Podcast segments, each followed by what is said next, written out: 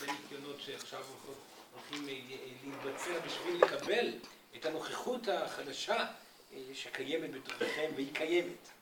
חלקכם אולי לא מודעים לזה, אבל הנוכחות הזאת מאוד קיימת בתוככם.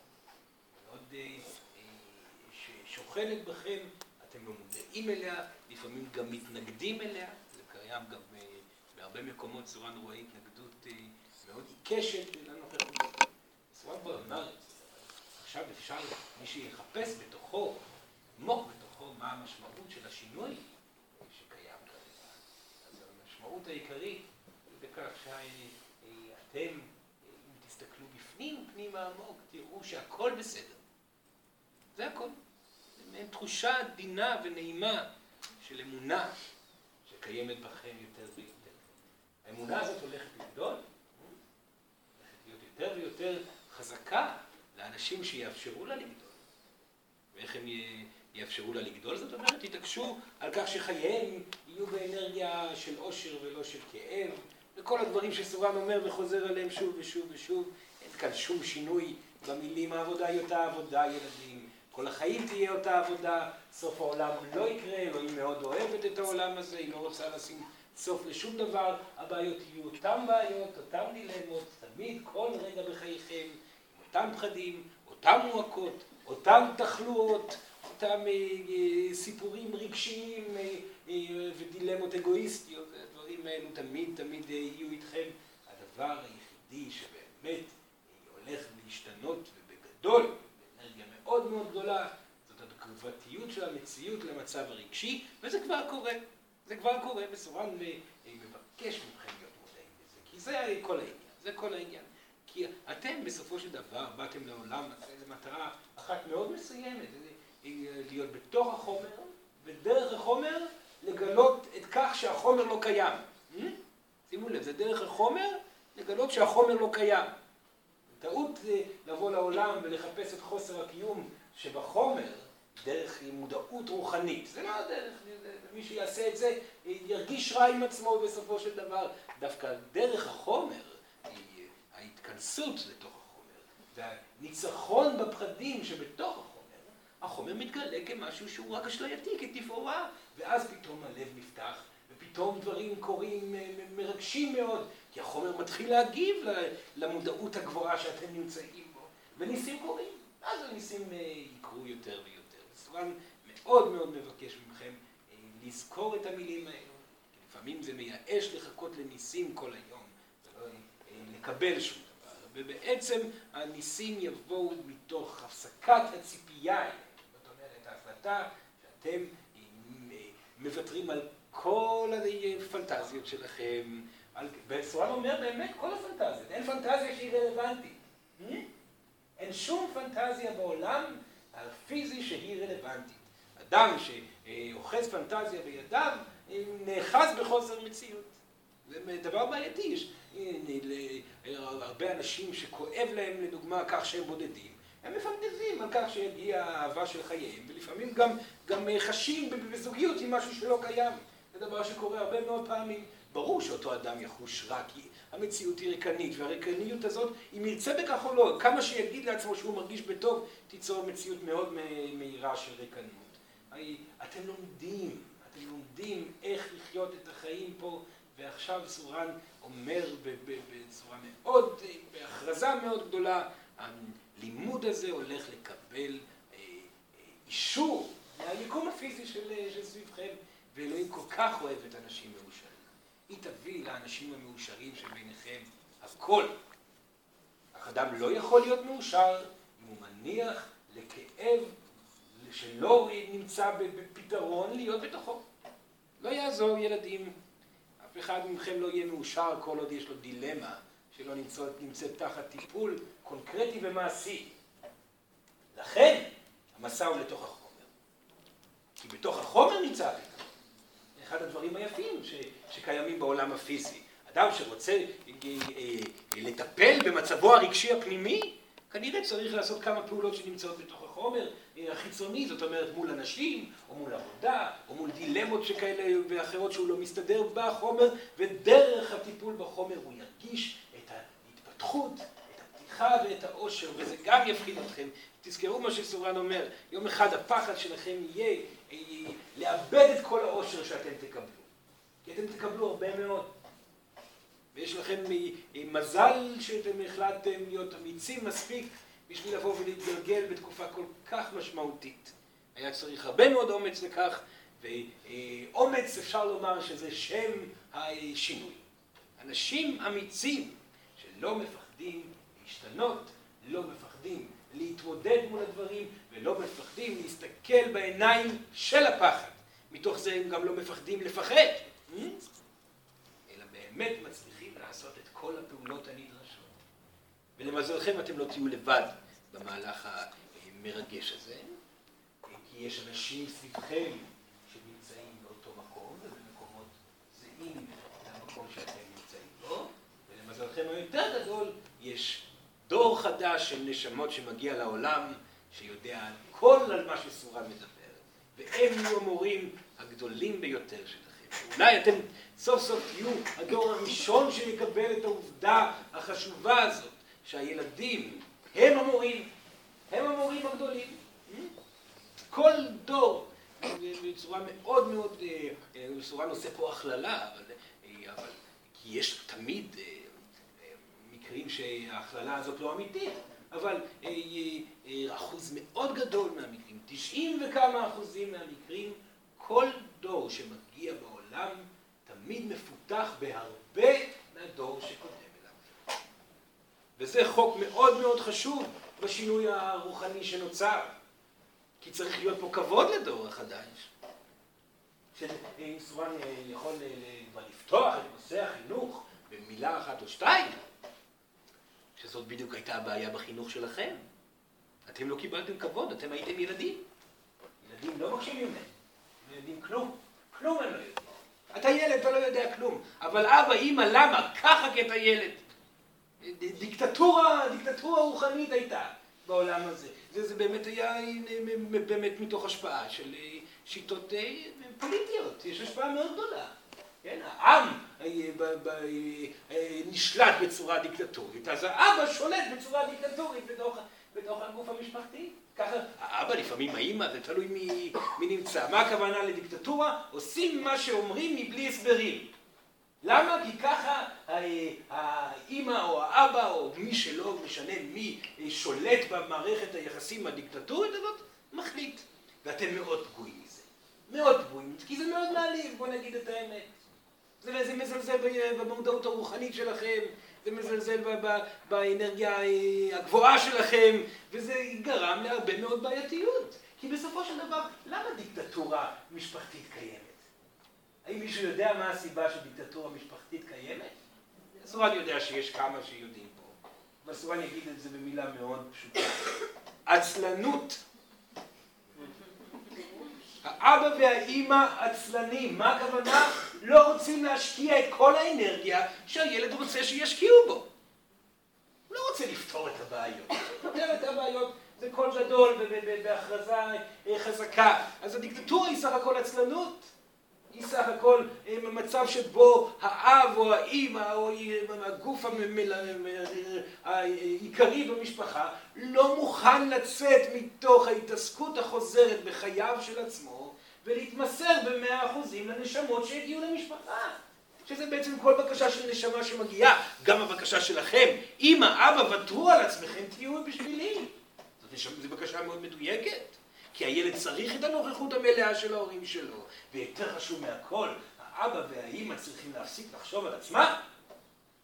כי החשיבה העצמית וההתעסקות בדברים שטובים לאדם בעצמו, אני רוצה להגיע לשם, העבודה שלי קשה, החיים קשים, אני צריך לפתור את הדברים שלי ולהגיע הכי רחוק והכי טוב, ואוי כמה אני אומלל שאני לא מקבל את המתנות שלי, ואוי הילד הזה עכשיו שוב, מה אתה רוצה?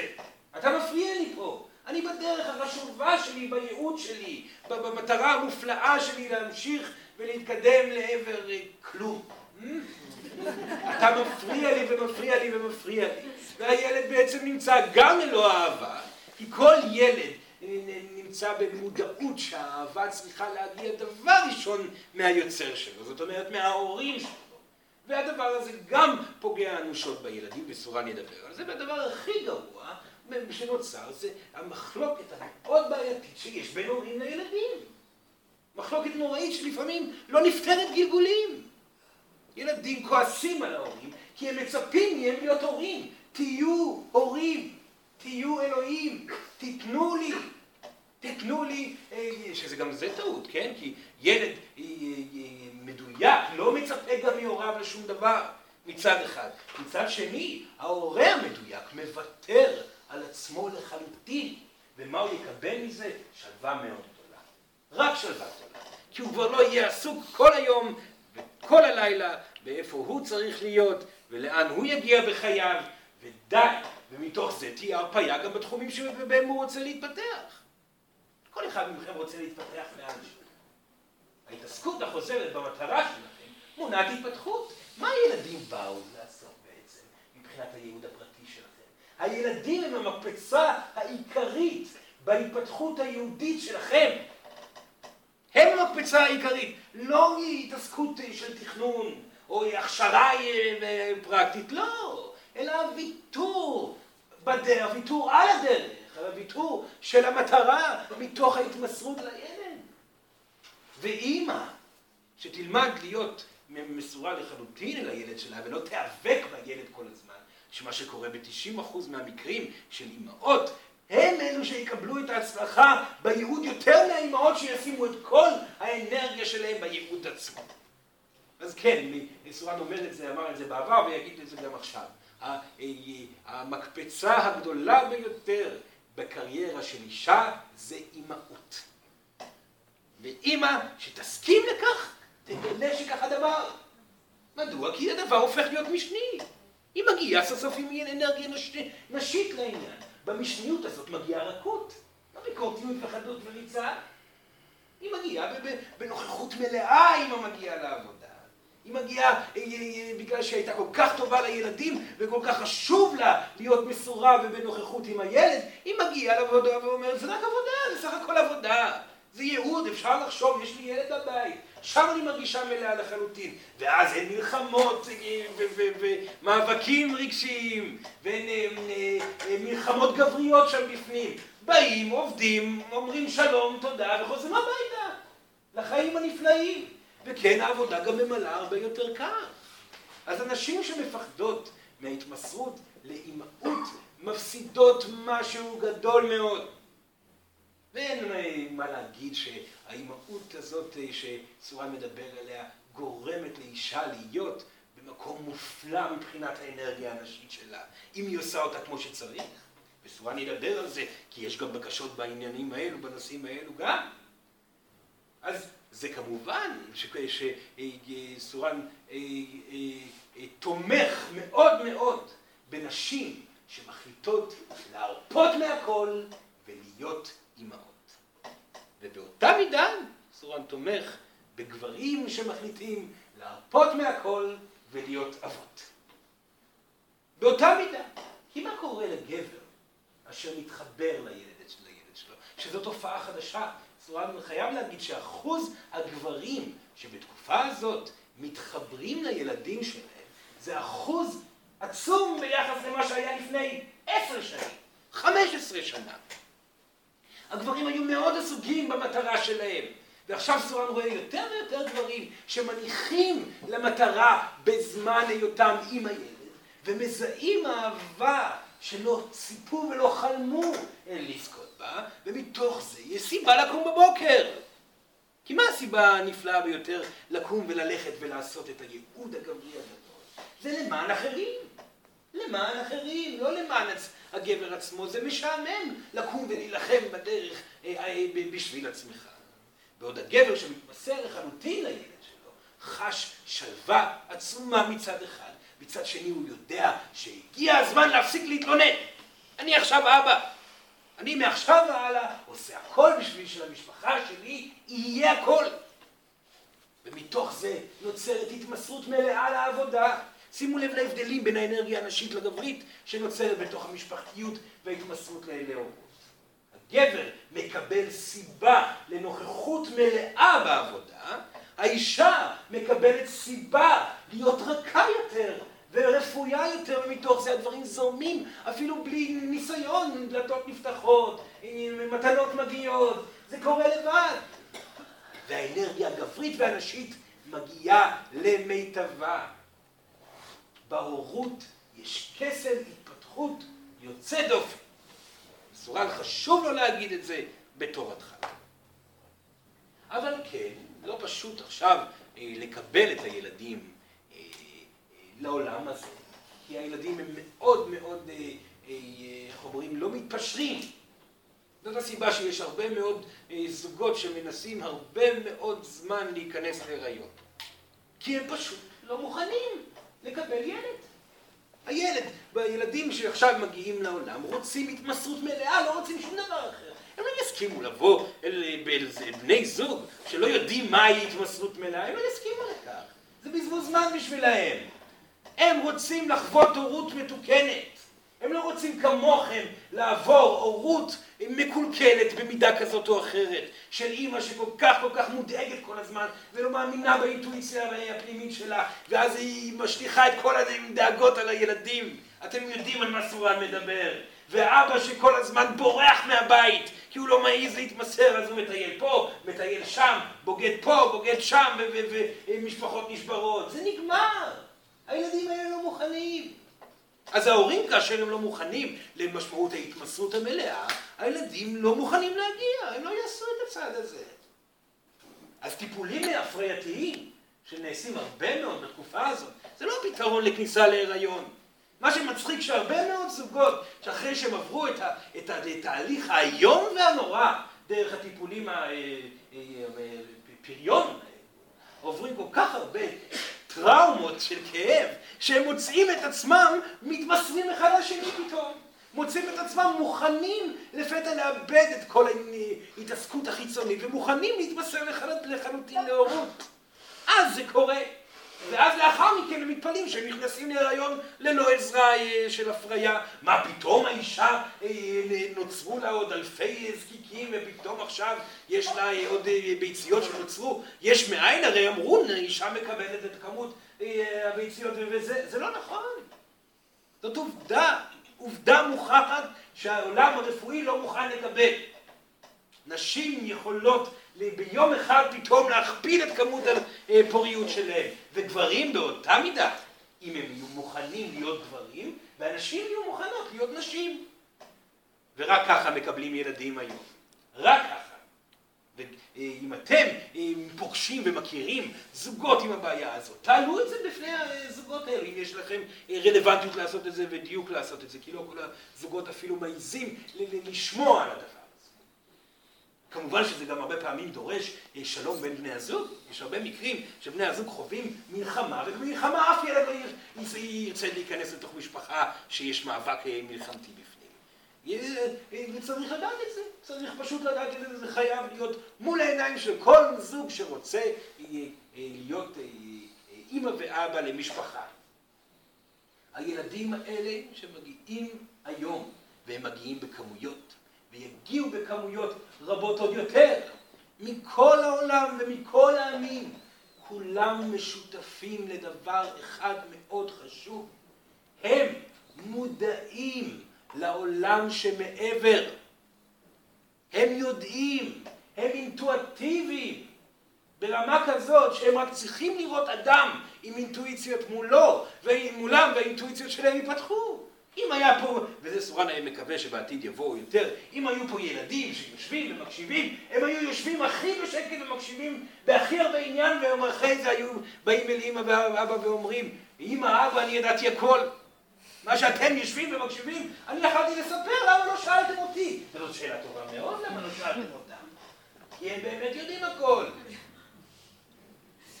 וויתור על האגו, והחלטה של הקשבה כמה שהוא נשמה מאוד מאוד מאוד מפותחת, שממנה אתם כהורים תלמדו, זה נכון שיש לכם אחריות עצומה על הילד, אבל בסופו של דבר, עם הזמן, כמו כל הורה, מגלים שגם האחריות הזאת לא קיימת, כי הילד עושה מה שהוא רוצה, ואין שליטה על הילדים, בדיוק כמו שאתם עשיתם להורים שלכם, ככה ילדים יעשו גם לכם. אז העיקר של העיקר של כל הסיפור זה לנסות אתם להיות מאוזנים אל מול הנשמות הללו. כי הם לא יקבלו חוסר איזון. ותהליך שסורן, התהליך שסורן דיבר עליו, אה, שבעצם מושך את הנשמה לחיים אה, בתוך הגוף החומרי, ממשיך גם אחרי שהילד נולד. הוא יעשה לכם, מה שאתם אומרים, את המוות. Hmm? הוא יעשה הכל בשביל לגרום לכם להבין שאתם מתעסקים בשטויות. והילד יכול להיות בדיוק בין שעתיים בשביל להתחיל לעשות את זה. בדיוק. וכמובן שהקרמה של הילדים לא קיימת עד גיל 12 בממוצע. 13. זה תלוי, כל ילד וההוויה הקרמטית שלו, אבל רוב הילדים לא מקבלים קרמה עצמאית עד גיל 12-13. זאת אומרת, הם עצמם לא אחראים לעצמם. זאת אומרת, כל פגיעה פיזית שקיימת אצל ילד או ילדה, או כל אה, סיטואציה בעייתית שנוצרת אה, בחייו של הילד או הילדה, הם מגיעים ישירות מהמצב האנרגטי והקרמטי של ההורים שלהם. זאת אומרת שהם מראה שלמה ומלאה להורה. וילד חולה מנסה לאותת משהו מאוד ברור להורה. וילד אה, אה, בעייתי שלא מוכן להקשיב מסמן משהו מאוד ברור להורה. יש פה חוסר התמסרות, יש פה ניסיון בריחה מאחריות, יש פה דיקטטורה.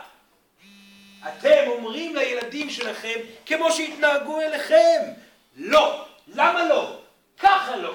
בכעס גדול, צועקים, ככה לא.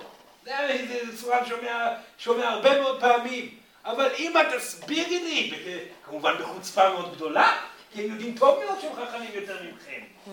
זה לא חוצפה, הם יודעים טוב מאוד, בדיוק כמו שאתם ידעתם לגבי ההורים שלכם. אבל אדם שלא מכבד את עצמו בכך שהוא חוטא לעצמו בדיקטטורה, למה שהילד יכבד אותו? חוסר הכבוד זה דבר מאוד מאוד אה, אה, בעייתי שקיים עכשיו בחינוך האנושי. הילדים לא מכבדים את ההורים שלהם, כי ההורים לא מכבדים את עצמם. פשוט מאוד. זאת אומרת, זה מה שמצחיק מאוד במהלך, אה, רק לסגור את המקום. לנשום את הכיסאות אחורה ולסגור.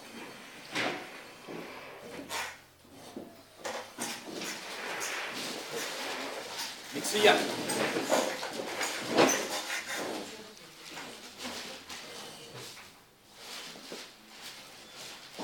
חוסר הכבוד שקיים בין הורים וילדים, ולא לא רק בין הורים וילדים, אה, זה קיים גם בין אה, ילדים לכל גוף אה, סמכותי שמהווה אנרגיית דיקטטורה, הוא חוסר כבוד מאוד רלוונטי, כי הוא מסמל על משהו מאוד לא טוב שקורה שם בפנים בתוך המערכת יחסים בין המבוגר אל הילד. והחוסר כבוד הזה מגיע יותר ויותר פעמים ובגיל מוקדם יותר ויותר. הילדים פשוט דורשים נוכחות של אה, בוגרת אה, מהאנשים הבוגרים שנמצאים אה, לידם. הם דורשים נוכחות שתהיה ברורה. ילד בשביל שהוא יעשה משהו בחייו, הוא חייב תשובה ברורה. תפקיד אחד חשוב יש לכם בתור הורים ומחנכים וכל דבר אחר שקשור לילדים.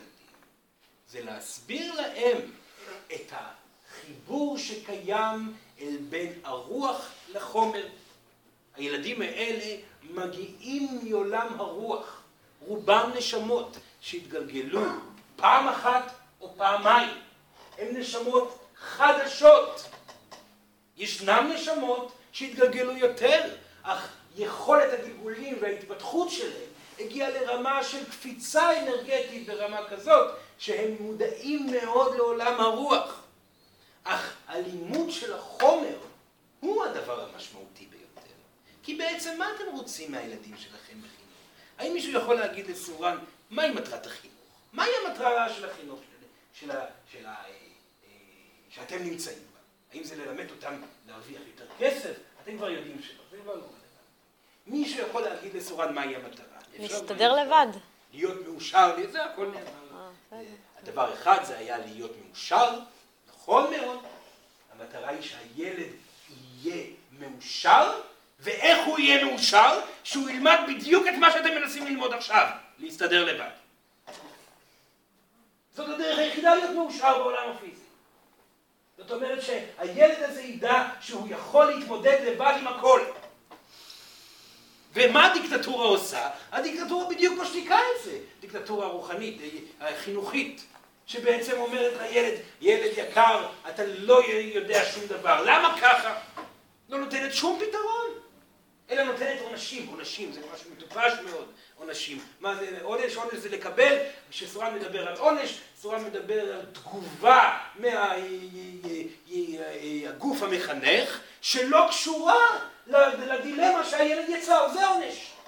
זאת אומרת, הילד הזה בא וגנב שתי טלוויזיות, ולכן בגלל שהוא גנב שתי טלוויזיות, אז הוא הולך עכשיו ל-20 שנה בכלא.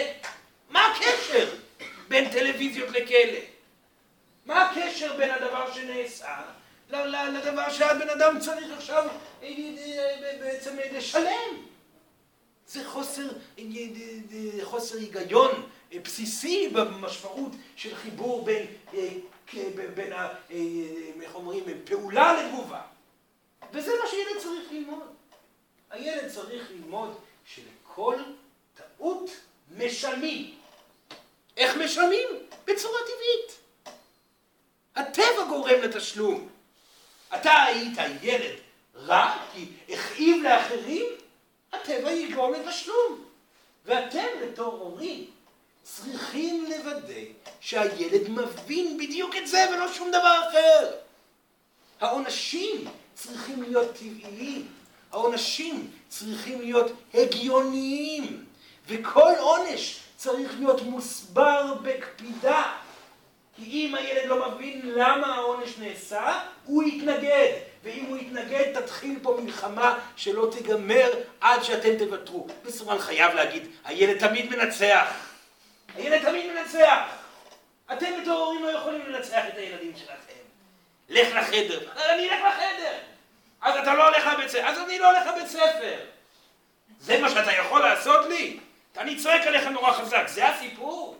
מזה אני צריך לפחד? אני לא מדבר איתך יותר. אני לא אוהב אותך, אבא. להתראות, ניצח הילד. מאבק נגמר. הילד מנצח מאוד בפשטות, לכן לא כדאי להתחיל עם ילדים מלחמות. הם תמיד ינצחו. נזכור את זה טוב מאוד. עכשיו, חלק עיקרי ומשמעותי מהחינוך שסורן מדבר עליו, הוא הדיבור הפתוח עם ילד גם אם הוא נמצא בגיל שנה. כי ילדים יודעים הכל ומבינים הכל. לכן צעקה לא תעזור, אלא דווקא הסברה מאוד מאוד ברורה והכי חשוב מאוזנת. אתם תהיו מאוזנים רק אם תתמסרו לחלוטין ולא תרגישו אשמה בכך שאתם לא נותנים מספיק לילדים שלכם. לכן מסירות זה דבר ראשון. לאחר המסירות המלאה הזאת, צריכים לחשוב על התגובות שלכם לתת תגובות הגיוניות. אז אם הילד, לדוגמה, עכשיו אה, אה, אה, נוהג לשבור דברים בבית, למה ככה הוא נהנה לשבור דברים בבית? זה משגע אתכם.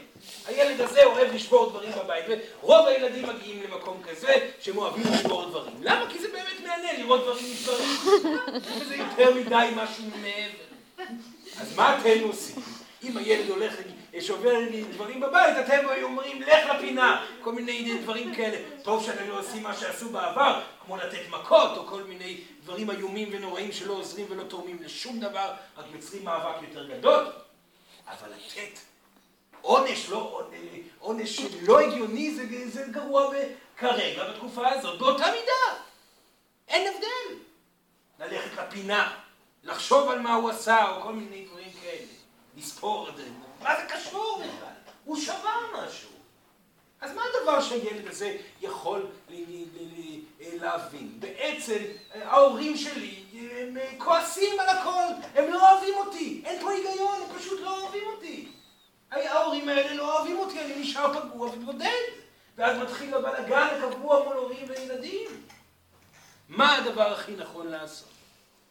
מה, לשאול את עצמכם, מהי התגובה ההגיונית שהטבע יוצר מול הדבר שקרה? אז אם משהו נשבר, מה הילד יכול לעשות, לעשות בתור תגובה הגיונית? לנקות. לנקות. לתקן. תתקן. לא תיקנת? תשלם ותקנה חדש. לכן סורן מאוד ממליץ על כל הנושא הזה של אה, דמי כיס, זה מקום חינוך נפלא. דמי כיס, הנה, כל, אה, כל זמן אתה מקבל אה, קצת כסף ואתה יכול לעשות מה שאתה רוצה. אתה רוצה לקנות עם זה צעצוע, תוודא שאתה לא שובר דברים, כי אם לא, אתה תצטרך לקנות עכשיו מהדמי כיס שלך את הכל, כי זאת תגובה הגיונית. אתה לא רוצה לאכול? הילד לא רוצה לאכול? מה התגובה ההגיונית פה? לצעוק תאכל, תאכל, תאכל, אמא מפחדת שאם אה, לא תאכל אתה תרגיש רע? לא, אני מרגיש טוב מאוד, אני לא רוצה אה, לאכול וזה זכותי לא לאכול. ברור שהילד צריך. מה הדבר ההגיוני לעשות לילד? למה אתם רוצים שהילד יאכל? בואו תחשבו ביחד. מה הסיבה שאתם רוצים שהילד שלכם יאכל? שיהיה בריא. למה שיהיה בריא? מה הסיבה שיהיה בריא? לא, לא רק להתמודד. לא, לתפקד. מה זה לתפקד? לשחק, ללמוד וכו' וכו'. אז ילד יקר וחמוד של אימא או של אבא, אם אתה לא אוכל, אתה לא הולך לשחק. כי אתה תהיה עייף. אז אתה צריך להישאר בבית ולנוח. אתה תאכל, אתה תוכל ללכת לשחק. היגיון, הילד מבין. כאן כן, זה נשמע הגיוני. זאת אומרת, לתת את התשובות ההגיוניות, ויש תשובה הגיונית להכל. להכל יש תשובה הגיונית. וכל אה, אה, אה, מקום שאתם נמצאים בדילמה אתם יכולים לבדוק ולחפש את התשובה ההגיונית לתת לילד. והדרך לעשות זה בדיוק מה שסורן אמר. מה מפריע לי שהילד כרגע נפגע? למה הילד שלי נפגע? ומה הדבר ההגיוני להשלים בסיטואציה הזאת? והתשובה תגיע. היא תגיע מאוד מהר. אתם צריכים לעצור ולוודא ולבדוק מהי התשובה, ואז להשתמש בתשובה ההגיונית בשביל ליצור תגובה טבעית, הגיונית גם כן. זאת פעולה חינוכית מאוד מאוד אה, חזקה וחייבת להיות גם מוחלטת. זאת אומרת, סורן חייב להגיד לכם ילדים, שאם אתם לא תעמדו במילה שלכם, הילד לא יסתכל עליכם פעמיים אפילו. אתם חייבים לעמוד במילה שלכם. ברוגע מאוד גדול, להגיד נאמר, כך נעשה.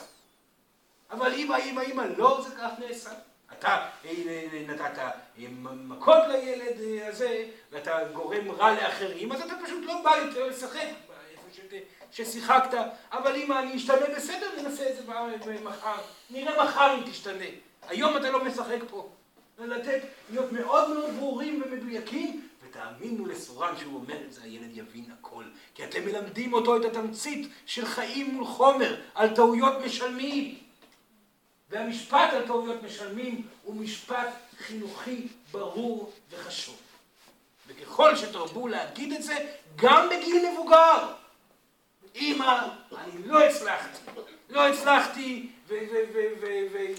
ונפגעתי בייעוד שלי בגלל שעשיתי ככה וככה וככה, אוי אלוהים כמה קשה לי, ילד יקר שלי, על טעויות משלמים. תלמד לא לעשות טעויות.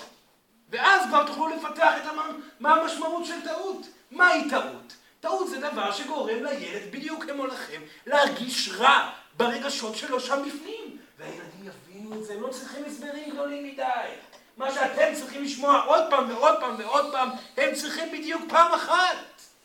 וכך אתם תלמדו אותם להיות עצמאיים. וכל המערכות חינוך יצטרכו להשתנות מדיקטטורה לתגובה טבעית ועליונית, בעתיד הקרוב זה כבר יקרה. וכל המערכות הקיימות יבינו שילד שלא רוצה ללמוד לא ילמד. ולסמם ילדים עם חומרים כאלו ואחרים, זה דבר לא רלוונטי. הילדים שלכם לא ילמדו דברים שלא מעניינים אותם. זה בזבוז זמן בשבילהם. מתמטיקה, לא ירצו ללמוד, אלא אם ילד יהיה אה, מאוד בהחלטיות ללכת וללמוד מתמטיקה. אה, אה, היסטוריה, יש ילדים שלא ירצו ללמוד את זה, כי לא יראו סיבה להתעסק בעבר, בעוד ילדים אחרים כן יראו סיבה להתעסק בעבר. החינוך הולך להשתנות מכיוון לכיוון. והסיבה העיקרית לכך שהחינוך הולך להשתנות זה לא בגלל השינויים הדרמטיים במערכת החינוך העולמית. זה בגלל שהילדים לא יסכימו להיות בתוך מערכות, מערכות חינוך שלא מצליחות להכיל אותם בהיגיון. והילדים יעשו את כל מה שצריך בשביל ש... שאתם תבינו את זה. והם כבר עושים את זה, הילדים שנמצאים בגיל עד 15, אפילו עד גיל 20 ב... ב... ב... בתקופה הזאת, כבר עשו מהלכים של התנגדות. סיממו אותם בסדר, לא נורא.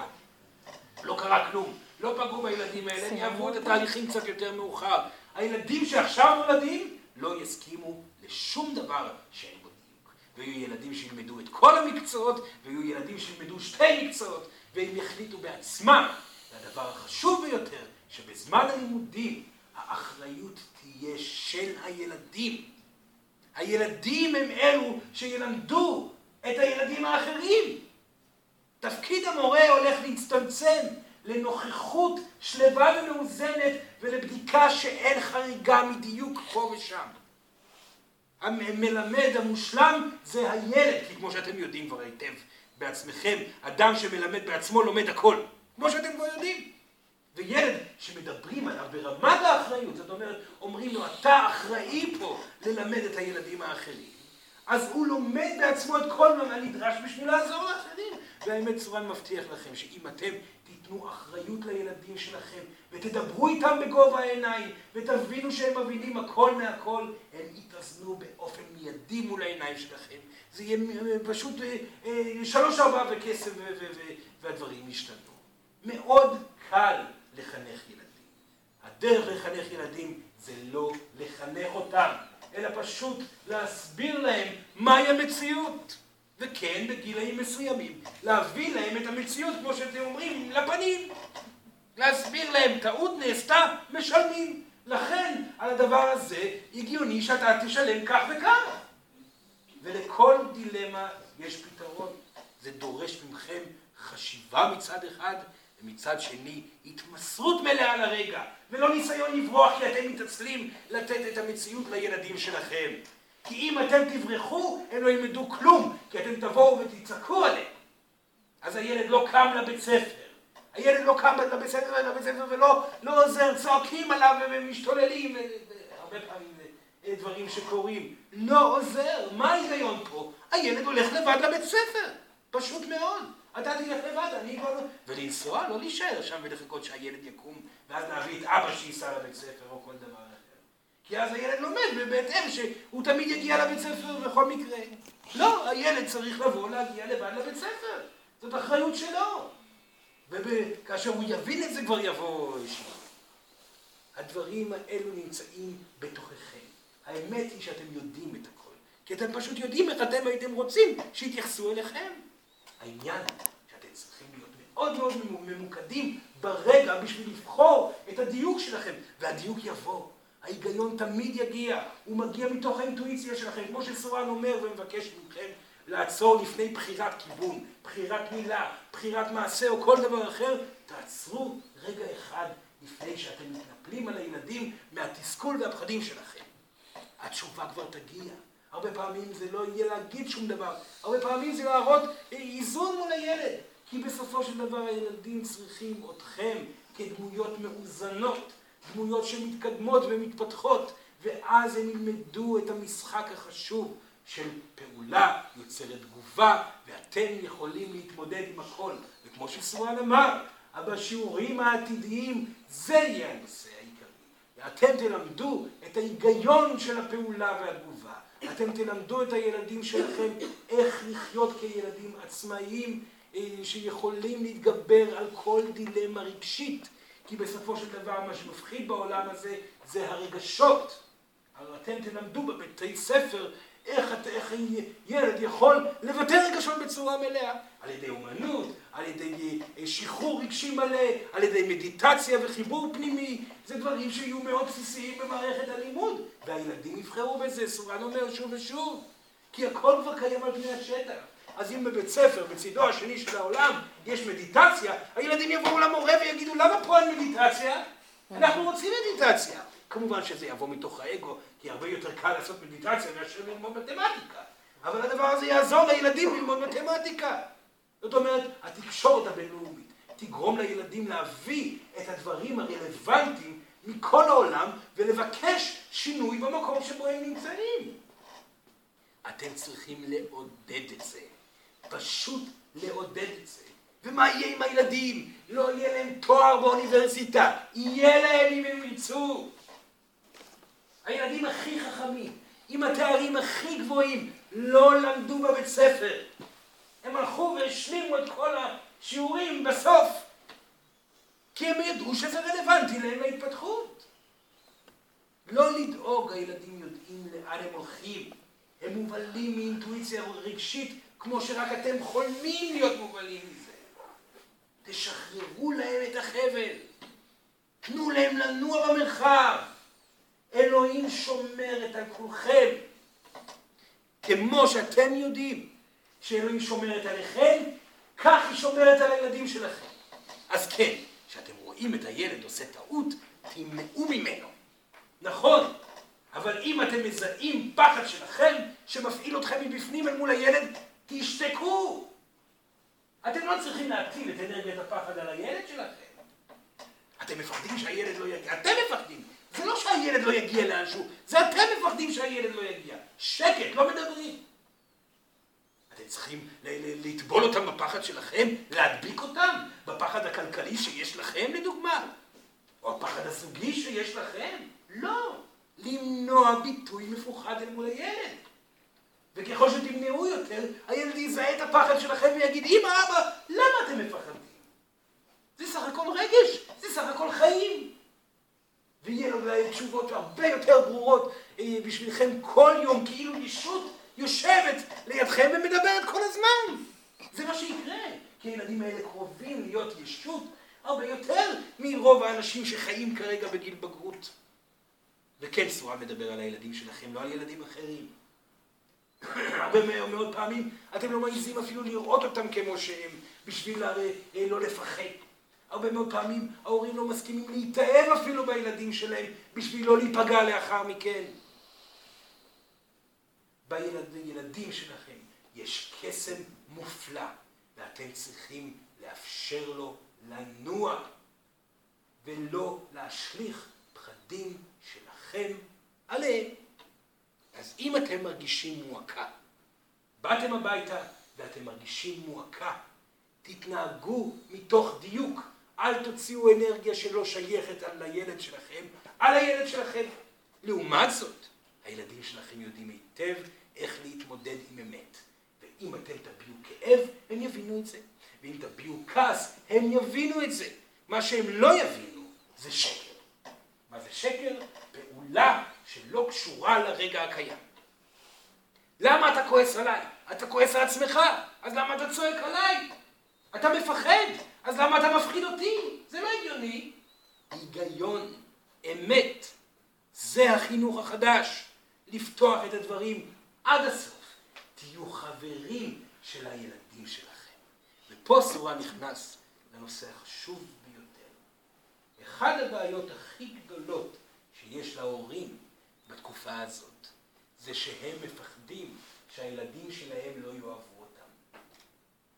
כולם רוצים שהילדים יאהבו אותם, ולכן הם בוחרים בפעולות מוגזמות בפינוק יתר. להפסיק לפחד מהעניין הזה.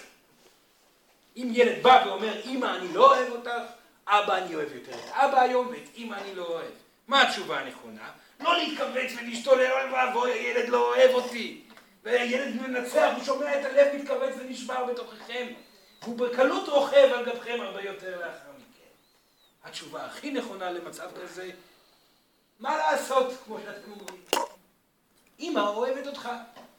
אתה יכול לא לאהוב אותי לעולם, אני תמיד אוהב אותך. זה המשפט הנכון. ואז הילד גם מבין דבר מאוד חשוב ובסיסי. מה שחשוב זה שהוא אוהב, לא שאוהבים אותו. זאתי עצמאות. זאתי העצמאות. אדם שלא זקוק לאהבה חיצונית, אלא מודע שהאהבה שלו היא זאת שממלאה אותו. זה הידע הרוחני המלא שגורם לאדם להיות בלתי נזקק. אני לא פה בשביל שאתם תאהבו, תאהבו אותי, אני פה בגלל שאני אוהב אתכם. ילד יקר שלי. אז אתה לא אוהב אותי, לא קרה כלום. אני אוהב אותך, ואני תמיד אוהב אותך. לך לשחק. זה שיעור כל כך. זאתי עצמאות אמיתית. זה מסר חשוב לילדים שלכם ולא משנה באיזה גיל הם נמצאים. וזה הכי חשוב גם בשבילכם, זה גורם לכם להיות עצמאים גם כן. כי אדם לא יכול להיות עצמאי אם כל מה שהוא עושה זה בשביל לקבל אהבה והערכה מהסביבה. אם הוא עושה מתוך החלטה להרגיש מלאות ודיוק, איזון ורוחניות, שלווה ופתיחות, זה מקום נכון. הבדידות והזכייה בבדידות, כך אומרים, לזכות בבדידות. כאשר אדם זוכה בבדידות והופך אותה ללבדות, ומרגיש שלם כאדם בודד, הוא חופשי באמת. השאלה היא אם אתם נמצאים שם. בתור אתם עצמכם, בסופו אני יכול להגיד חד וחלק שרובכם הגדול מאוד לא נמצא שם. אתם עדיין מפחדים מהבדידות. אז מה סורן מבקש מכם בתור הורים שרוצים ללמד את הילדים שלהם להיות בודדים ושלמים, תקבלו את זה שאתם בודדים, אתם תמיד תהיו בודדים, אתם לבד. תקומו בבוקר, תנשמו את האמת הזאת, אתם לבד. לא משנה כמה תהיו קרובים אל מישהו, אתם תהיו לבד. תכריזו על עצמכם כבודדים. הבדידות השלמה שאתם תהיו בה, כי, זה, כי, כי כמובן אחרי הכרזה שכזאת מגיע גל מאוד גדול של כאב של האגו. אוי ואבוי, אני לבד, איך אני אחיה, מה אני אעשה, איך אני אפתח את העיניים בבוקר, בדידות איום ונורא, אף אחד לא אוהב אותי. אחרי שזה עובר, מה מגיע? תחושו לעצמכם. מה אתם מרגישים אחרי שאתם אוספים את הבדידות הזאת ואומרים, אז זאת המציאות? האמת היא שאני לבד. אז מה אני אעשה עכשיו? האם אני בוכה כל היום וכל הלילה? מה אני עכשיו אעשה? אני אתן לאחרים. אני אקום וארקוד. אני אעני עצמי עד הסוף. כי אני לבד ותמיד אהיה לבד, לכן אין צורך לנסות להרשים אף אחד ולגרום לאף אחד לאהוב אותי. מתוך המקום הזה מגיע הדיוק, הדיוק השלם והשלב ביותר גם באנרגיה הנשית וגם באנרגיה הגברית. לכן אתם בתור הורים תקבלו אתם לבד. אתם בתור בכלל בני זוג במערכת יחסים תקבלו אתם לבד. אתם לבד. מתוך זה תהיו חופשיים לחלוטין להביע את האהבה בצורה מלאה. והילד ילמד את השיעור מול עיניו. אוי, ילד בן שנה שרואה את הוריו לא מפחדים להיות לבד. ילד בן שנה שרואה את הוריו אוהבים באמת מתוך זה שהם לא מפחדים מלהיפגע. ילד שרואה את הוריו לא מפחדים בכלל מהמחשבה הכלכלית, כאילו זה שום דבר. זה ילד עם עתיד מאוד גדול, שייצור מציאות רוחנית שאתם לא מתארים אפילו. האמת היא שזה לא כל כך תלוי בכם, כי הילדים האלה יזכו במידע הזה איתכם ובלעדיכם. הבעיה הגדולה זה שאתם, אם תמשיכו לפעול מתוך פחדים, לא תהיו מחוברים אליהם, ברמה שאתם רוצים להיות מחוברים אליהם, על מנת ללמוד את המידע שהם באים להביא לכם ולעולם שסביבכם. זאת הבעיה. אם אתם תצליחו להשתנות אתם אל מול הילדים שלכם, הילדים האלו יגרמו לשינויים בכל החיים שלכם מרגע לרגע. הם יסתכלו עליכם וידעו מה אתם מרגישים בכל רגע, ולא משנה אם תדברו בשפה אנגלית או צרפתית, או הם מבינים הכל, אתם צריכים לדעת את זה. הם יודעים כל דבר שקורה מגיל מאוד מוקדם, הם מסתכלים עליכם ויודעים הכל.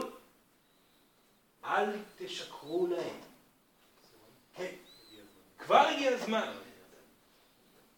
בסדר, סורן מאמין שבזמן השאלות, סורן יסיים את כל הנושא, כי יש לנו הרבה על מה לדבר. כן. כן, כן. לומר את השם. שלום סורן, אני שרית. כן. יש לי שלושה ילדים. נפלא. את עידו, את יעלי ואת רועי יוסף.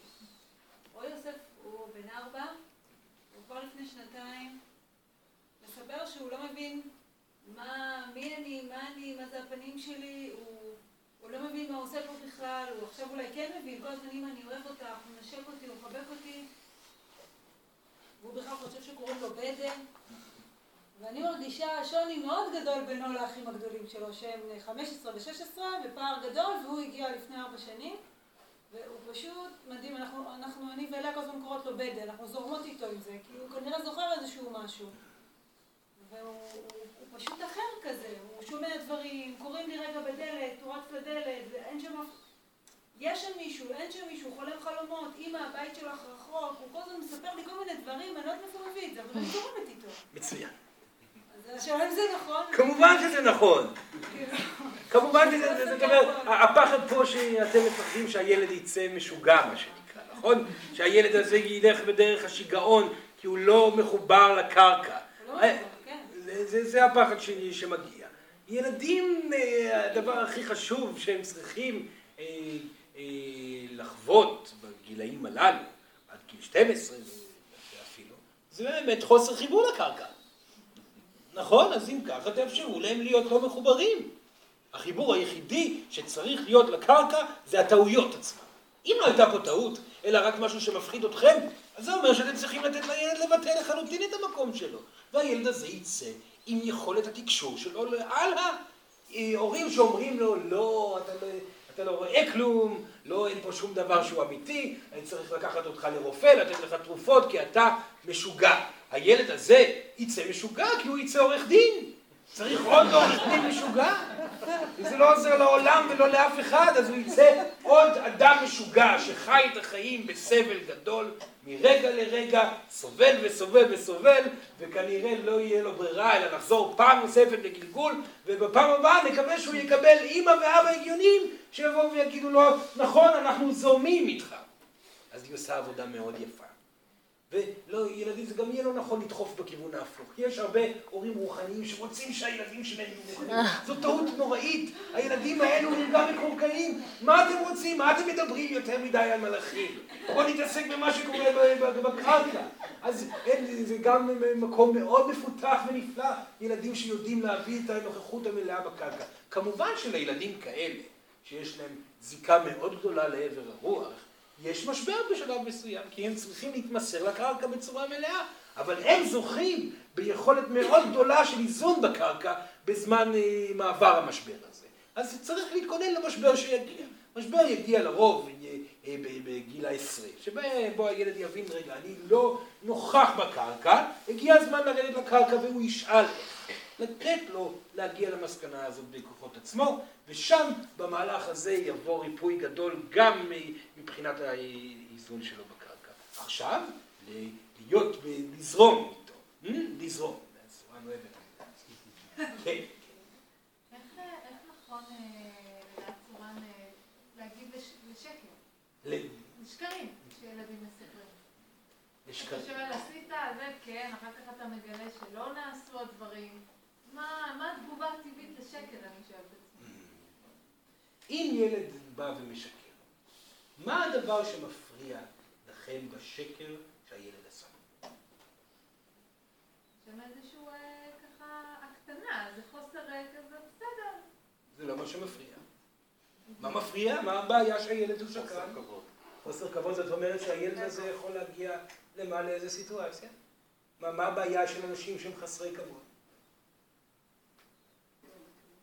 מבטלים, הם לא טובים חברתית. זאת אומרת, אין, אין איזון חברתי, הם אנשים לפעמים גם מסוכנים לחברה, הם אנשים לא טובים, ואנשים לא טובים, לא טובים סובלים. Hmm?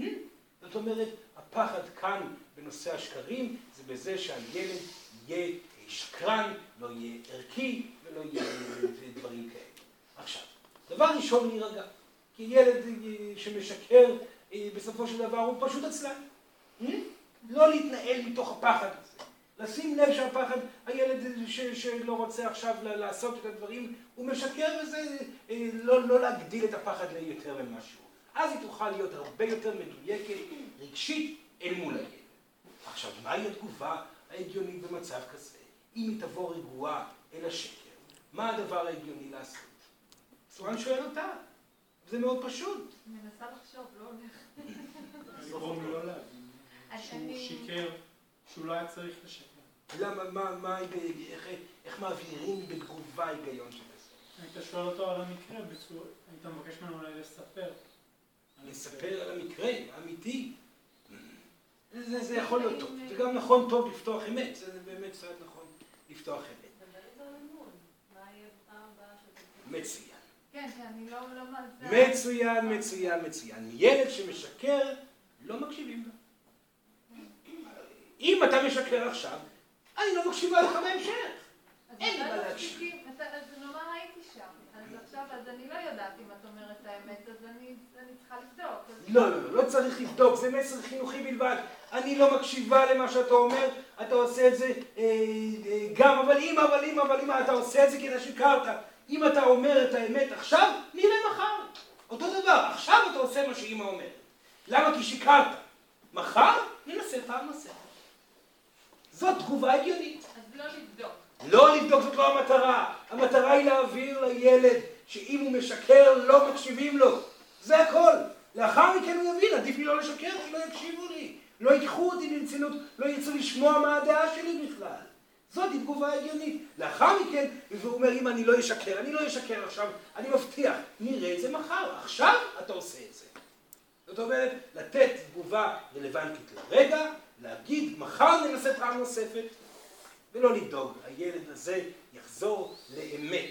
אבל סורן גם מבקש לא לדאוג בנושא, בנושאים האלו של שקרים, במיוחד כשמדובר על מטלות. ילדים הם עצלנים, וזה גם עוד בעיה, כי ילד לא רוצה לעשות דברים שהם לא רלוונטיים. עשיתי שיעורים. למה שהוא יעשה שיעורים? מה זה שיעורי בית?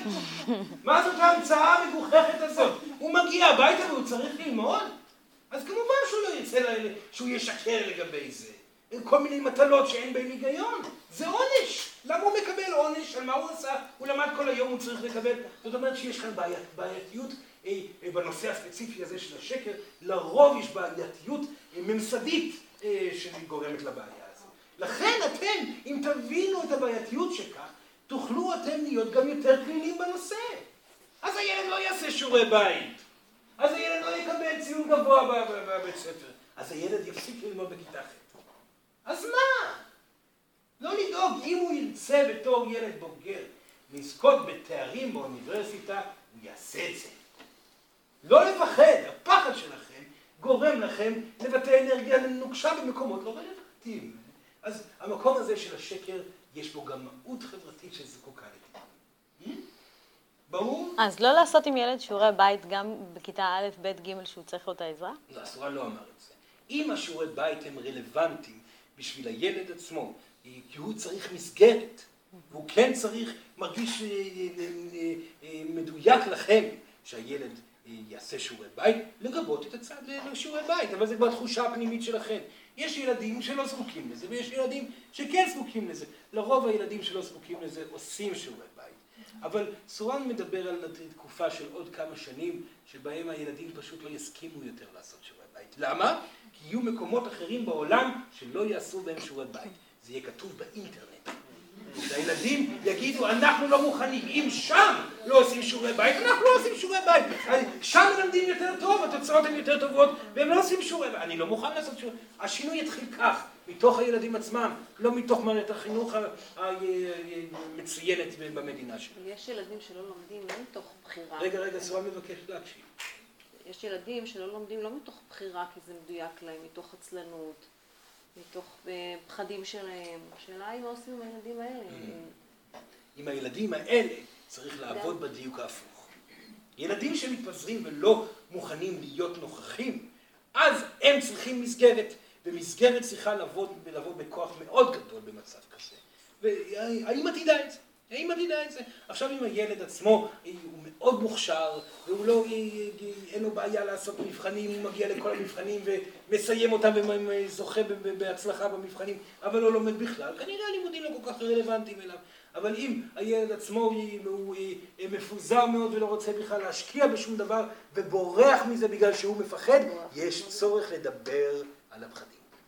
הילדים שלכם הם ילדים תבונתיים מאוד. להגיד לילד, אם אתה לא היית מפחד, אמא הייתה משחררת אותך. העניין הוא שאתה מפחד. ממה אתה מפחד? וכאן יהיה דו-שיח בין שתי נשמות בוגרות. לדבר עם הילד, ממה אתה מפחד? מכישלון? אז תיכשל, לא נורא. אתה מפחד שלא יאהבו אותך?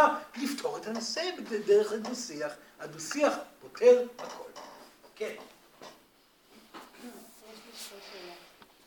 אחת בתור אה, מורה ואחת בתור הורה. אה, בתור מורה יש לי 240 תלמידים. זה הרבה תלמידים? אה, אני מורה לאנגלית אומנם, אבל אני, דווקא מה שאתה אומר זה נותן לי תקווה, כי אני כן מדברת איתה על מדיטציות ולנשום ומוח ימי, ואני מרגיעה אותם, ויש לי איזושהי אנרגיה שאני מכניסה לכיתות האלה, ואת הילדים המאוד מאוד מתקשים, אני רואה אותם פתאום עם, עם המון אור. אז, אז, ואני רק בתחילת דרכי, אז כאילו אני, אני וזאת זאת עבודה קשה. כן. אז אני אומרת, טוב, זה, זה לא ישתנה, זה יישאר אותו דבר, אולי עדיף לי לעשות משהו אחר, כי זה נורא נורא קשה. אז מה שאתה אומר זה לא להתייאש. לא להתייאש. לא להתייאש. בעתיד ילדים, סורן ממליץ על אה, תחום ההוראה מבחינה כלכלית. בצורה אני יכול להגיד. כי כאשר התובנה הכלכלית אה, תשתנה, ולא ייקח עוד הרבה זמן לזה, המורים, המחנכים, אלה שיהיה להם את כל, את כל החשיבות הנתינתית, יקבלו הרבה כסף. אז זהו, זה מוביל אותי ישר לשאלה הבאה, כי אני הורה, יש לי שלושה פרוג'קטורים. רגע, רגע, רגע, סורן מבקש... יש לי שלוש בנות פרוג'קטורים כל אחת, אבל אני הורה... פרוג'קטורים? אור, יש להם המון אור. אחת היא אור, אחת היא לב, אחת היא רגש. הן לגמרי מובילות אותי, והן לגמרי... אז, אז, אז באמת, טוב, אני אימא, אני, אני אימא של, אני אימא ואבא נפרדו, ועכשיו עברנו את המשבר הזה והכל, והשאלה היא, מה שאני שואלת זה אם עשיתי להם כל כך הרבה שריטות, שהם, שזה יישאר איתם, או שהם באמת ימשיכו בדרך הזאת. נפלא, נפלא. דבר ראשון, פרידה בין הורים זה דבר שקורה. האמת היא שחיבור בין הורים שמושתת על מאבק, הוא יוצר הרבה שריטות. פרידה לא עושה שום שריטה. זה גורם לתהליך רגשי, שתהליך רגשי יוצר ריפוי. לכן לא לפחד מפרידות אף פעם. העניין הוא המאבק הפנימי הזה שנוצר, או שמטפלים ומנצחים אותו, או שנפרדים. במקרה של פרידה זה עושה רק טוב לילדים. עכשיו, המקום הבעייתי שיכול להיות אצל הורים פרודים, שזה מגיע הרבה פעמים, זה הפחד מהפגיעות שהם רואים בהורים שלהם. זאת אומרת, אבא ואימא פגועים, או במקרה רוב המקרים, אימא פגועה. אימא פגועה עד כדי כך שהיא לא יודעת איך לצאת מזה. אז כנראה כדאי לי גם להיזהר בנושא הזוגי. אז ילדים, במיוחד הם ילדות, אבל גם ילדים וגברים, מגיעים לסיטואציות מאוד לא פשוטות. שבעצם הם זקוקים לריפוי של האימא או האבא הפגוע, על מנת שהם יצליחו לרפא בעצמם את הסריטה. זה ברוב המקרים. זאת אומרת, ההשלמה חייבת לקרות בכך שהם יראו את ההורים מצליחים להתאהב פעם נוספת ולהיכנס לקשר בריא ומלא בשביל להאמין שגם הם יכולים או יכולות להיות שם מיד הסוף. זאת לא שריטה. זאת התמודדות נשמתית שמגיעה במיוחד לילדים שרלוונטי להם לפתור את הדילמה הספציפית הזאת. אז סורן לא רואה שריטה בכך, סורן רואה בזה צעד חשוב שאתם בתור הורים צריכים לקחת על עצמכם, להתקדם הלאה בחיים, להגיע לאהבה פעם נוספת, ולא לפחד מקנאה וזה, הכל בסדר כאשר האהבה מגיעה, זאת שמחה גדולה מאוד לילדים, הילדים אומרים הנה אימא מאוהבת פעם נוספת. אני יכול להיות מאוהב, הנה אהבה אמיתית, לא כמו שהיו להורים שלי, אהבה אמיתית מול עיניי. אני עכשיו יכול להתמסר, או יכולה להתמסר לזוגיות באותה מידה. וכן, זה סורן יכול להגיד שהרבה מהמשקל הזה יושב דווקא על ההורים. כן. יש לי שני ילדים מדהימים, אני משתאה כל הזמן רק להסתכל עליהם, הם גם אצלי הם חצי מהזמן. ואימא שלהם עדיין פגועה וחדה. כן.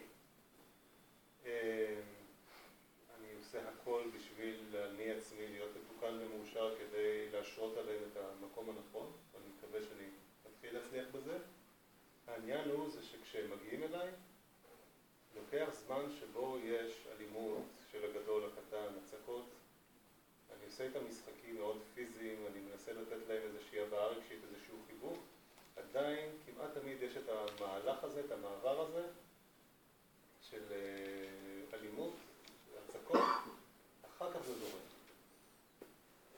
איך אפשר להתגבר על זה? דבר ראשון, לקבל את התהליכיות. כי זה תהליך. וילדים שנמצאים בפגיעות חייבים לבטא את המקום הזה. וקשה מאוד לבטא את הפגיעות ואת הסבל של הילד שהוא חש אותו מול ההורה הפחות מאוזן. זאת אומרת, תמיד הילד יבחר לבטא את התסכול מול ההורה היותר מאוזן, וזה מה שהם עושים בעצם. הם מבטאים תסכול לא במילים, אלא בהתנהגות. התהליך ש... שעושה, שאותו הוא עושה הוא תהליך מאוד נכון, סורן רואה צעדים יותר ויותר יפים לעבר החלמה בעניין הזה. אבל גם דבר אחד חשוב לזכור, שמאבק בין אחים תמיד אה, אה, צריך לקרות. זה חלק תהליך בהתפתחות של ילדים, המאבק הראשוני בין האחים. אה, זה לא משהו שצריך, הרבה פעמים שואלים את סורן, מה לעשות עם הילד שלי, שהוא כל כך מגיב בצורה כזאת ופוגע ואת האח שלו, את האחות שלו. זה תהליך טבעי ילדים. יש פתרונות לזה בפני השטח. והכי חשוב זה פשוט להיות מאוזנים בנתינה לשני הילדים ולהוכיח להם ששום דבר לא משנה את הנתינה הזאת. זאת אומרת, אני אוהב, אוהבת אתכם בצורה מלאה ושווה וכל אחד נפלא בתחום שלו ולא משנה כמה אתם עושים, אני לא יוצאת מהאיזון הזה. זאת אומרת, האנרגיה האהבתית של ההורה עצמו מאוד מאוד עוזרת לילדים להתקדם הלאה מהמצוקה הזאת. דבר שני, לקבל שזו תקופה שחייבת לעבור. חייבת לעבור, ולא לדאוג. זה יצליח כל עוד הוא ממשיך ונמצא בדיוק, הכל יהיה בסדר. ולזכור, כאשר יש צד אחד שהוא לא מאוזן, כל מה שהילדים צריכים זה חלק מחייהם, זאת אומרת צד שני, שיהיה מאוזן ושלב מאוד מאוד. הילדים כבר ירפאו בעצמם מתוך הנוכחות השלווה והמאוזנת. כן. אתה דיברת מקודם על זה שלילדים אין גם משאבים משל עצמם ושכל מחלה עד איזשהו גיל זה בכלל קשור להורים. מדובר גם על ילדים שיש להם מחלה מאוד קשה, סרטן וכאלה בחצי שנה ושנה ומתים וכאלה. זה גם קשור? כמובן, כמובן. בהחלט. הרבה פעמים שהמחלה היא סופנית, שינוי גדול אצל ההורים ירפא את הילד. הרבה פעמים, בהחלט, בהחלט, זה צריך להיות מנוע לשינוי מאוד גדול אצל ילדים, אצל הורים. העניין הוא שיש מקרים גם אחרים שבהם הילד צריך ללכת. ובהליכת הילד החוצה ופרידה ממנו יש השלמה אצל ההורים. זה כל מקרה הוא לגופו. אבל סורן כן ממליץ בכל סיטואציה של מחלה סופנית אצל הילד לעשות עבודה פנימית קשה של ההורים והדבר הזה הוא המקור ההחלמה העיקרי שיגיע לעבר הילד הזה. בסדר? כן. היי, שתי שאלות דווקא בתור מי שעובדת עם מורים, מנהלים, מערכות חינוך. הם מאוד במצוקה, אבל הם לא כל כך רוצים להשתנות. ואני באמת שואלת את עצמי, אני לא, אני לא עומדת מול הכיתה, אני לא נמצאת מול הילדים בעצמי, אני ממש שואלת את עצמי, אבל מה להציע להם בתקופה הזאת? שהדברים עדיין מאוד מאוד מקובעים כן. כרגע, וזה לא נראה ש... וילד שסתם לצורך העניין לא מרגיש צורך להכין שיעורי בית, הוא בבית ספר הוא יהיה טוב. כן, כן. דבר ראשון, סורן חייב להגיד פעם נוספת, התהליך קורה. אז כן, זה מצב מאוד מבלבל, לאדם מודע שרוצה לעזור למורים אחרים, להיות גם הם מודעים. סדנאות מודעות זה דבר מאוד חשוב. כן? אחד הדברים שבמערכות החינוך למורים יצטרכו להיות, וזה קורה יותר ויותר, סדנאות רוחניות למורים, כי מורים חייבים להיות מורים רוחניים בדרכם שלהם. הדבר הנוסף שסורן אה, כן ממליץ אה, להעביר בצורה כזאת או אחרת למורה, זה להסביר בצורה הכי ברורה שאפשר, על מנת שהילד יהיה מאוזן, עליהם להיות מאושרים בעבודתם. כשהם ייכנסו לכיתה בחדווה וייהנו מהעבודה שלהם, הילדים ילמדו יותר טוב. מאוד פשוט. כשילד רואה מישהו נכנס לכיתה וסובל כל רגע, לא יכול ללמוד ממנו שום דבר. אז זה השיעור הראשון, תהנה בעבודה, תוותר על החלומות בהקיץ, זה קשה, נכון, תתמסר, תיתן, תוודא שאתה כולך נמצא שם, אל תפעל מתוך ללמוד, ללמד נוכחות מלאה בנתינה עצמה. הדבר הזה יאזן מאוד את המהלך. כן. אולי נדבר על ילדים שבאים לעולם עכשיו, שבעצם אלה נשמות חדשות, שלא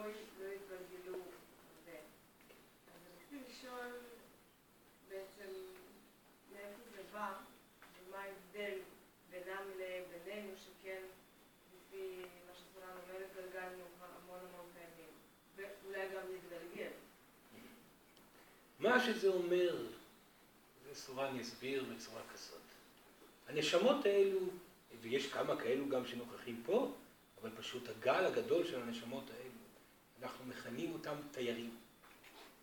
תיירים, זאת אומרת, הם לא פה באופן קבוע, עד עכשיו, הם יכולים גם לחזור הביתה בשלב מסוים, אבל הם באים לטיולים, גלגול אחד, שני גלגולים, לפעמים פעם ראשונה שהם מתנהלים בעולם הזה, ובעצם יש את המשפט הידוע הזה, תייר לרגע רואה כל פגע. זאת אומרת, הוא מגיע ורואה את כל הבעיות שמגיעות, שנמצאות סביב. אז התיירים האלה רואים את כל הפגע, והם בעצם מאוד מאוד רגישים. כדוגמה, תייר שמגיע מעולם שבו הדברים הרבה יותר מהירים ופתוחים, ואהבה היא דבר מובן מאליו באותו עולם, ומגיע למקום הזה שבו מפחדים לאהוב, יכול להיפגע מאוד. זאת אומרת, הוא פתאום מגלה בעולם הזה שלא אוהבים, כמו שהוא יודע שצריכים לאהוב. אז הוא רגיש יותר, הוא רואה דברים לעומק יותר, האינטואיציה היא פתוחה הרבה יותר. התיירים האלו, יש להם גם נטייה לא לחיות את החיים. אז יש מקרים שהתיירים האלו, עד עכשיו, משהו שהולך להשתנות, כי החברה הולכת לקבל בקלילות יותר גדולה את התיירים האלו. יש הרבה מקרים שתיירים כאלו בעבר היו מתים מוקדם, או אפילו מתאבדים, כי פשוט לא היו יכולים לסבול את הקונפליקט האנרגטי שקיים בעולם החומרי. התיירים האלו שמגיעים עכשיו, שבעצם העולם הזה הופך להיות עולם של תיירים, אפשר לומר, או אנרגיות שמודעות לחיבור הגבוה ולאינטואיציה שיש להם את הכלים התיירותיים. העולם הזה בסופו של דבר יגבה אותם הרבה יותר ויאפשר להם הרגשת בית יותר גדולה ובעצם יאפשר להם לבטא את המודעות התיירותית שלהם בכל הפינות. עכשיו, סורן חייב להגיד שתיירים כאלו, הבעיה הגדולה ביותר שלהם, שהם חיים את החיים על הגדר.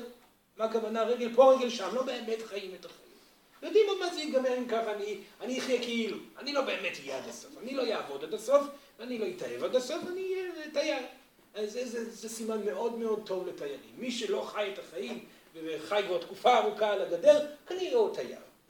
ודבר כזה, תייר, אחד השיעורים החשובים של תייר, זה לבוא ולהתחיל לחיות, להתמסר לעבודה, ללמוד את החומר, ללמוד את הנתינה, ללמוד את הזוגיות וכו' וכו' וכו'.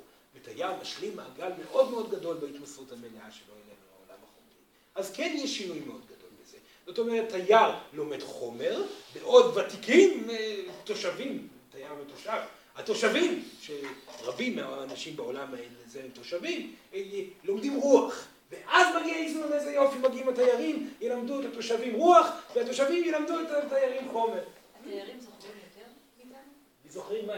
יותר את עצמם. זאת אומרת שגלגולים קודמים. כן, לרוב התיירים, יש להם זיכרון מאוד ברור של הגלגולים. היה להם שני גלגולים, אפשר להבין למה. הם יותר מחוברים לידע. כן, כן. זה מה שסורן לי. בעצם הנשמות האלה הן נשמות שמגיעות מאנרגיית שכנות. אנרגיה שאתם מזהים אותה ומכירים אותה לאחר המוות שלכם. זו אנרגיה הרבה הרבה יותר מהירה. יקומים גם אחרים שמושתתים באנרגיה הזאת. הם מובלים לפה מתוך הרצון שלהם ללמוד חומר ולהצליח להביא הרמוניה לתוך החומר. לכן המטרה העיקרית של, של, של התושבים זה ללמד אותם חומר. המטרה העיקרית של התיירים זה ללמד את התושבים רוח. והדבר הזה הוא נפלא, וזה בדיוק מה שהולך לקרות בחמישים, שישים, שבעים, שמונים שנים הבאות, עד שבסופו של דבר יהיה פה איזון מאוד מאוד גדול שייצור תיירים חומריים, תיירים מיושבים. הדבר הזה הוא השינוי הגדול, שבעצם זה גם יהיה הפוך, כן? זה גם יהיה תושבים מתוירים. זה בעצם האנרגיה שתיווצר אחרי השינוי שקורה כבר בעשרות השנים הבאות הקרובות. כן. שתי שאלות אחרונות. כן, רגע ואחר כך תגיד. כן.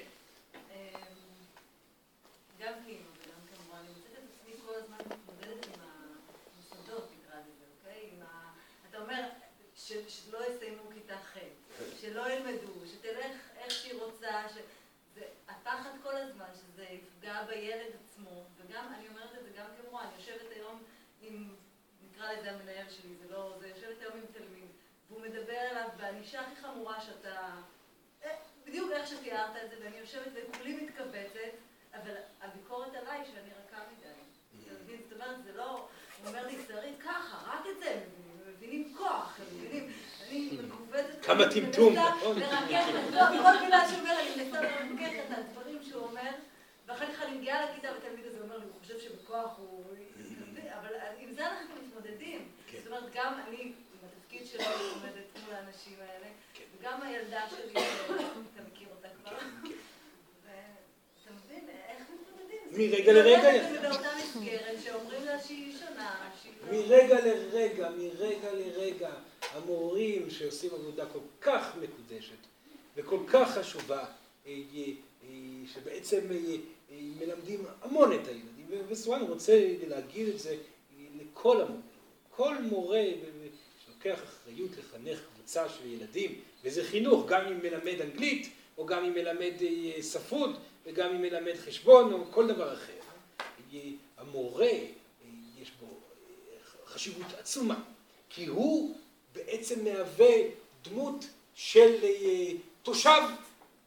שלום, אני המדריך שלכם בתחום 1, 2 ו-3, באתם לכאן כתיירים באוטובוס הזה והזה, ואני אראה לכם מה עושים פה ופה. זה תפקיד מאוד מאוד חשוב. העניין הוא שהמורים לא יודעים לקחת את זה ככה, ולכן הם סובלים מאוד. סורן חוזר ואומר פעם נוספת לכל המורים, ליהנות, ליהנות, להיות מקצועיים, להיות נתינתיים, מדויקים, לפעול בנוכחות מלאה. המקצועיות הזאת תגרום לשינויים בחייהם של הילדים. הילדים האלה לא יפעלו באותה נוקשות מערכתית, והמערכת תבין, הנה, למרות שאמרתי שהיא רכה מדי, הילד משתנה מול העיניים.